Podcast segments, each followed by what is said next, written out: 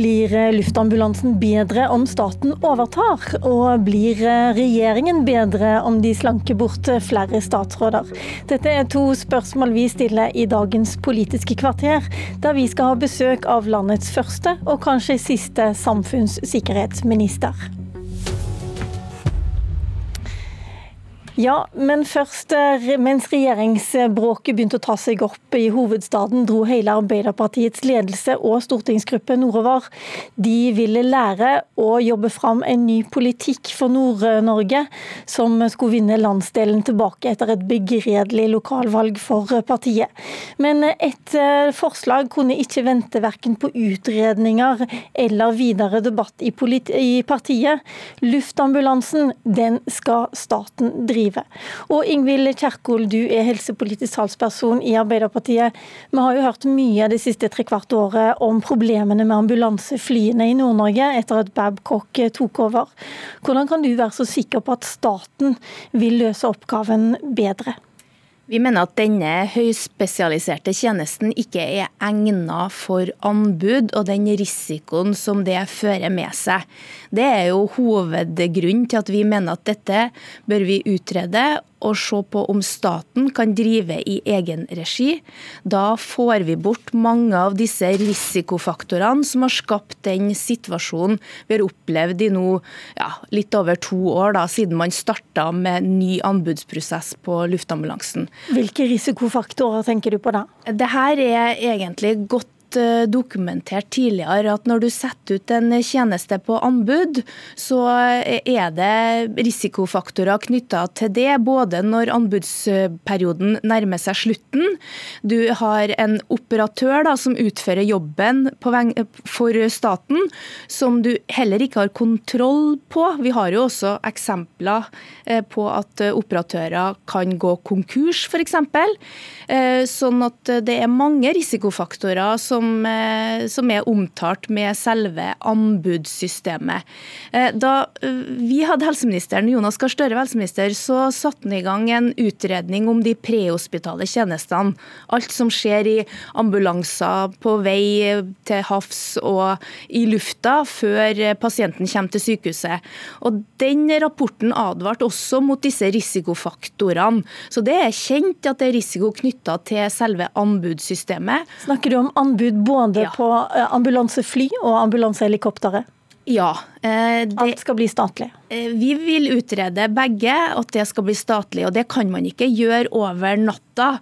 Og Det at staten driver en eh, tjeneste i lufta, er i seg selv ingen garanti for god kvalitet. Her må staten settes i stand til å drive en god lufttjeneste, både på helikopter og på fly.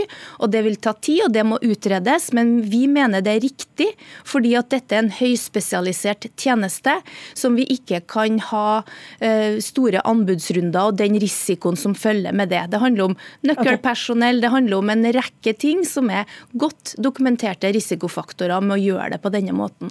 Helseminister Bent Høie, i forrige uke, også mens dine regjeringskollegaer vurderte om de skulle bli der eller ikke, så hadde du en lang lidelseshistorie i Stortinget. Du fortalte om alle problemene som har vært etter at Babcock eh, tok over eh, luftambulansetjenesten eh, på fly.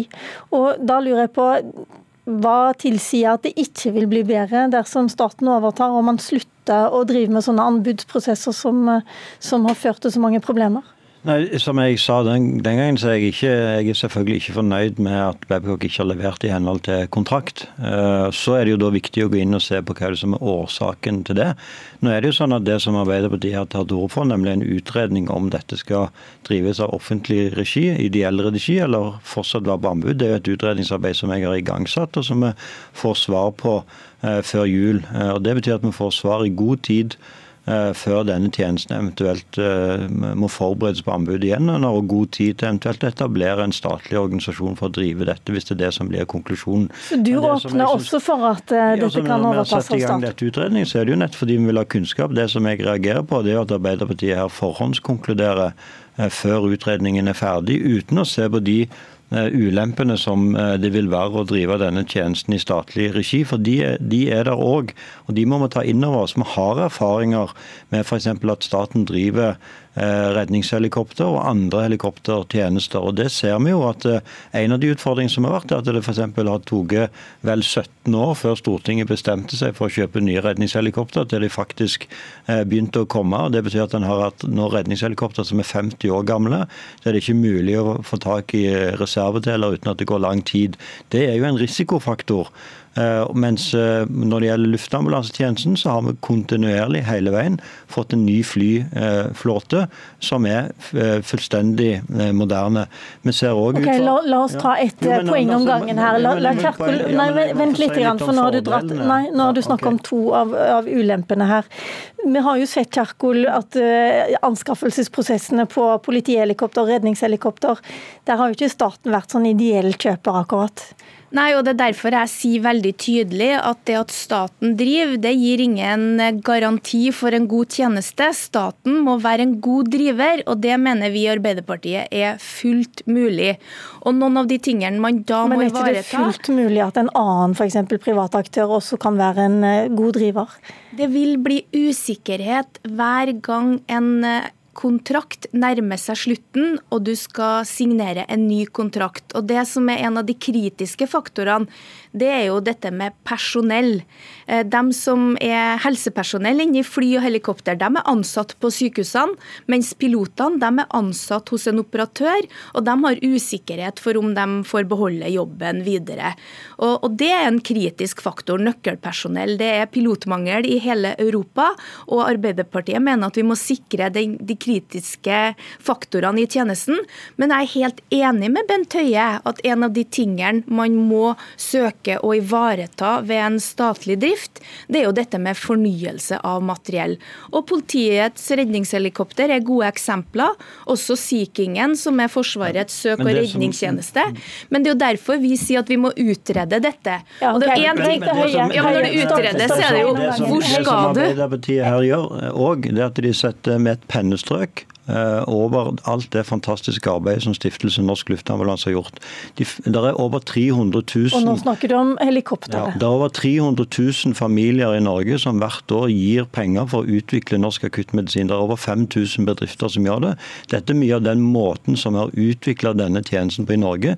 Dette setter Arbeiderpartiet av ideologiske grunner en pennestrek over og sier nei takk til den fantastiske bidraget som det gjør. Det andre er at noen av årsakene til vi har hatt utfordringene i luftambulansetjenesten, handler jo ikke om anbud.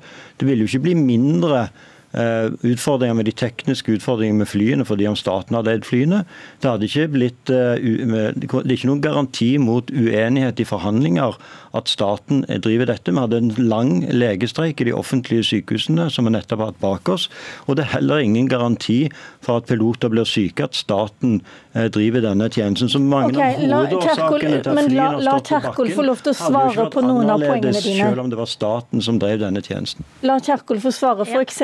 På dette her med norsk luftambulanse, er altså de som driver helikoptertjenesten. Og eh, som Høie sier, 300 000 nordmenn gir penger til dem hvert år. Er det noe bedre å si at nei, nå er det slutt for dere, eh, staten tar over der også?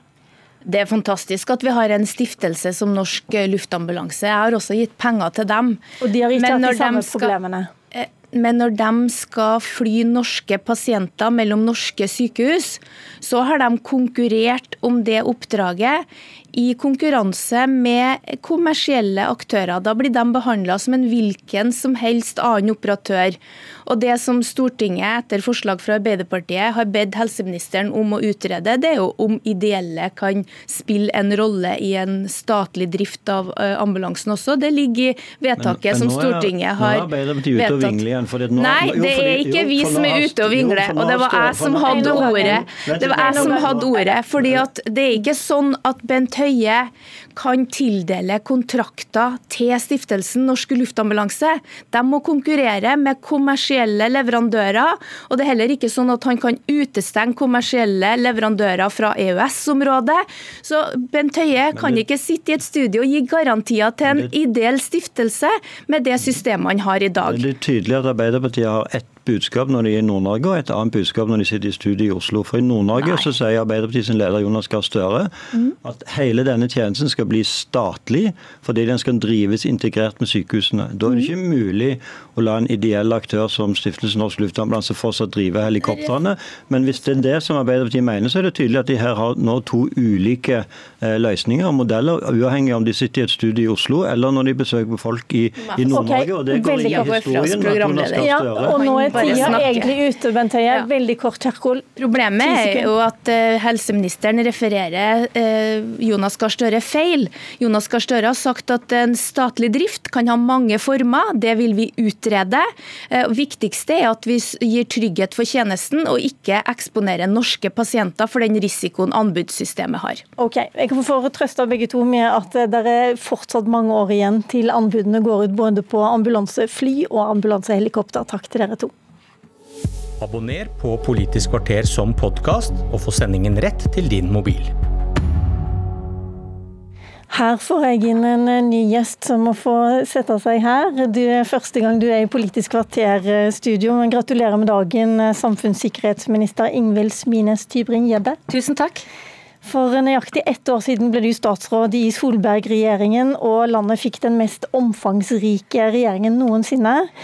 Mediene er i dag fulle av spekulasjoner om hvem som skal, ta, hvem som skal inn i regjeringen, men hvem som skal bli finansminister f.eks., og hvem som skal ta over samferdsels og justis, og om Hareide skal være med. Men uh, ingen spekulerer faktisk i hvem som skal ta over din jobb. Hva syns du om det? Nei, det syns jeg øh, er litt trist, da. Jeg har hatt øh, ett år på, i denne rollen nå, og det har vært et øh, givende år. Veldig, veldig hektisk. Min jobb i dette året har vært å trygge befolkningen. Som samfunnssikkerhetsminister så har jeg da ansvaret for den sivile biten. Vi ser at uh, verden rundt oss er ganske brokete og utfordrende, og dette treffer Norge. Og det er viktig at vi ikke ser på de løsningene vi hadde historisk, på de utfordringene vi har i fremtiden. Men, og det er det jeg har jobbet med. Mm, men Fremskrittspartiet skulle jo inn i regjering for å slanke statsapparatet, bl.a. Og så ble dere uh, med i den regjeringen som satte rekord i antallet statsråder. Er det ikke da rimelig at f.eks. den jobben som du har hatt, eh, kan heller løses av en justisminister eller på statsministerens kontor? Jo, akkurat den, eh, Hvordan de faller ned, den nye regjeringen faller ned på akkurat det, det må jo være opp til de. Jeg og Fremskrittspartiet har syntes at dette har vært viktig. Nettopp det å trygge befolkningen i en en verden hvor alt er relativt ustabilt. Ikke minst eh, så er vi eh, et av verdens mest digitaliserte land. Det treffer oss også. På den måten er vi også sårbare. Og Derfor fikk vi også en ny sikkerhets, eh, altså, sikkerhetslov som gjør at vi må se på det store bildet på en helt annen måte. Vi har en del cybersikkerhetsutfordringer som vi også må løse. Og det gjør jo jeg i min stilling. Hvorfor syns du det er trist likevel, hvis du sier at justisministeren like godt kan gjøre det? Nei, jeg sier ikke det. Jeg sier at jeg syns det er trist hvis man ikke har det samme fokuset som Fremskrittspartiet har hatt på den sivile beskyttelsen, og ikke minst samfunnssikkerheten. I en slags avskjedshilsen på Facebook så skriver du eh, om de siste dagers hendelser eh, at dette opprører deg i et stat- og samfunnssikkerhetsperspektiv. Når myndighetene forhandler med en terrorist, blir det en farlig presedens. Men nå sier jo PST-sjefen at trusselbildet er det samme etter at eh, denne IS-kvinnen kom til landet? Fremskrittspartiet har hele tiden sagt at vi ønsker å ta hjem barna. Men vi ønsker ikke å verken forhandle eller ta hjem en terrorist. Og det tenker jeg er det jeg har lyst til å si om den saken. Fremskrittspartiet går ut av regjeringen på en veldig, veldig viktig sak. Men uh, hvorfor opprører det deg i et samfunnssikkerhetsperspektiv? Jeg tenker at det er det jeg har lyst til å si om den saken. Men som samfunnssikkerhetsminister så er jeg opptatt av at vi skal trygge befolkningen i et totalt uh, bilde. Og derfor har jeg også vært opptatt av nettopp det i det året som jeg har sittet. Ikke minst det å eh, heve motstandsdyktigheten i befolkningen. Vi er nødt til å ta inn over oss at 90% av kritisk samfunnsstruktur er på private hender. Og nettopp det er en av de største utfordringene også for det samfunnet som vi ser fremover. Det er ikke så mange andre som spekulerer i hvem som bør få jobben din. Har du sjøl et forslag? Nei, det har, jeg, det har jeg ikke. Det skal jeg overlate til den nye regjeringen å ta.